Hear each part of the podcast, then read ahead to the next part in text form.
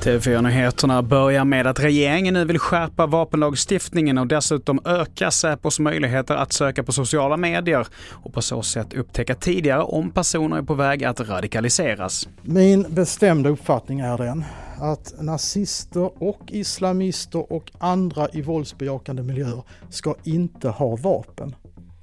De ska inte ha jaktvapen, de ska inte ha sportskyttevapen, de ska inte ha tillgång till vapen överhuvudtaget.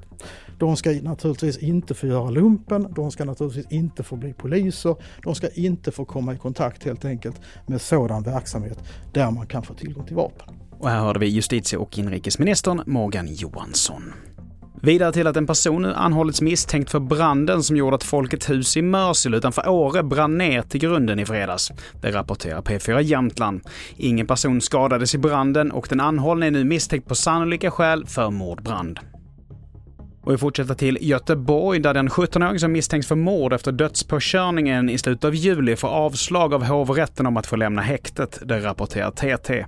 Pojken och hans bror är misstänkta för mordet på sin mamma och ytterligare två släktingar i 60-årsåldern sitter häktade misstänkta för grovt skyddande av brottsling. Enligt åklagaren kan det röra sig om ett så kallat hedersmotiv. Och vi fortsätter med att snart så kan mopedbilar vara ett minne blott. Fordon har länge kritiserats för sina höga utsläpp och sin dåliga säkerhet. Och nu kräver Riksförbundet M Sverige att fordonslaget helt förbjuds och ger plats för A-traktorernas vidare utveckling. Mopedbilar är egentligen väldigt eh, osäkra och de har låg eller dålig krocksäkerhet. Det är svag kaross av plast och glasfiber, de välter lätt och har bristande säkerhetsutrustning. Så vi skulle gärna fasa ut de här.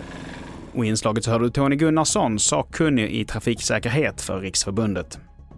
Och till sist, i helgen så utsågs Dua Lipa till hedersambassadör för Kosovo. Den brittiska sångerskan är uppvuxen i London men har kosovoalbanskt ursprung och fick redan 2018 ta emot huvudstaden Pristinas nyckel av borgmästaren. Fler nyheter hittar du på tv4.se. Jag heter Mattias Nordgren.